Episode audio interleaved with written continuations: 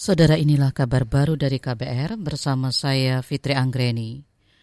Menteri Sosial Tri Risma hari ini mengingatkan para pengguna layanan rumah susun sewa Sentra Mulia Jaya Jakarta agar tidak mencoba memindah tangankan hak penyewaan rumah susun.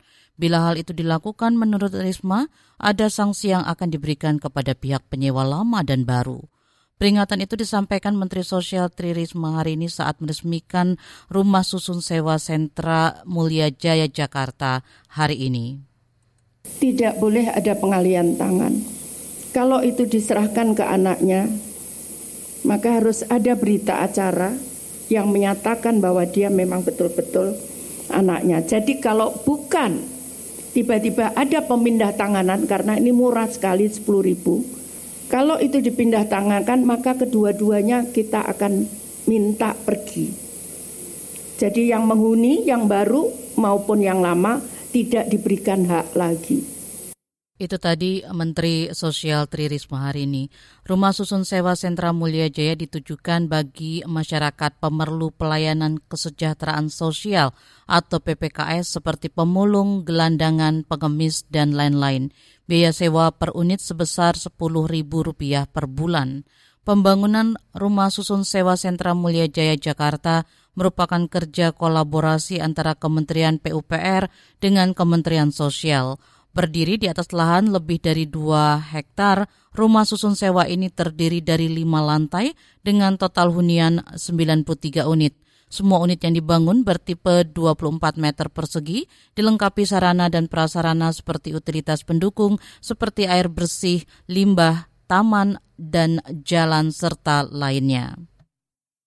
Kita ke informasi lain, Kepala Badan Kebijakan Fiskal Kementerian Keuangan yang juga Deputi Keuangan ASEAN untuk Indonesia, Febrio Kacaribu berharap ekonomi kawasan ASEAN dapat terus tumbuh di atas 4 persen pada tahun ini.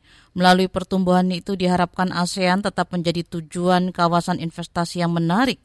Febrio mengatakan hal itu dalam pertemuan level Deputi Keuangan dan Bank Sentral ASEAN di Kabupaten Badung, Bali hari ini. Menurut Febrio, keketuaan Indonesia di ASEAN untuk keempat kalinya tahun ini menjadi momentum peran penting Indonesia di kawasan, khususnya dalam mendorong ASEAN menjadi pusat pertumbuhan dunia. Dengan mengangkat tema ASEAN Matters Epicentrum of Growth, Indonesia yakin tema ini mencerminkan ketahanan ASEAN sebagai kawasan di tengah ketidakpastian global seperti inflasi, disrupsi rantai pasok, krisis geopolitik, serta dampak pandemi yang masih berlangsung. Kita ke Jawa Tengah, Saudara. Publik masih terus merespon keputusan FIFA membatalkan Indonesia sebagai tuan rumah Piala Dunia U20. Sejumlah karangan bunga duka cita mulai berdatangan dan berjajar di Stadion Manahan Solo, Jawa Tengah. Informasi selengkapnya bersama jurnalis KBR Yuda Satriawan langsung dari Solo, Jawa Tengah.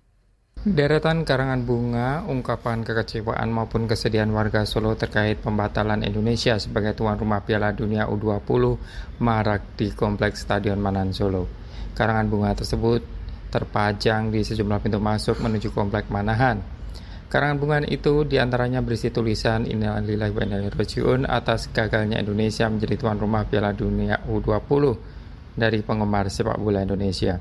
Selain itu ada karangan bunga yang berisi emotikan sedih dan menangis dengan tulisan Mas Wali atau sebutan untuk wali kota Solo Gibran Raka Buming. Aku melu sedih Solo batal menjadi tuan rumah Piala Dunia U20. Tak hanya ungkapan kesedihan, ada juga karangan bunga yang berisi ungkapan menyemangati timnas U20 dan Ketua Umum PSSI Erick Thohir agar tidak larut dalam kekecewaan Indonesia batal menjadi tuan rumah Piala Dunia U20. Karangan bunga tersebut ada yang didominasi warna hitam putih maupun merah putih. Belum diketahui sejak kapan karangan bunga ini terpasang di kompleks Stadion Manan Solo yang semula akan menjadi salah satu venue Piala Dunia U20 Indonesia. Dari Solo, Jawa Tengah, Yuda Satriawan, KBR. Demikian saudara kabar baru dari KBR, saya Fitri Anggreni, salam.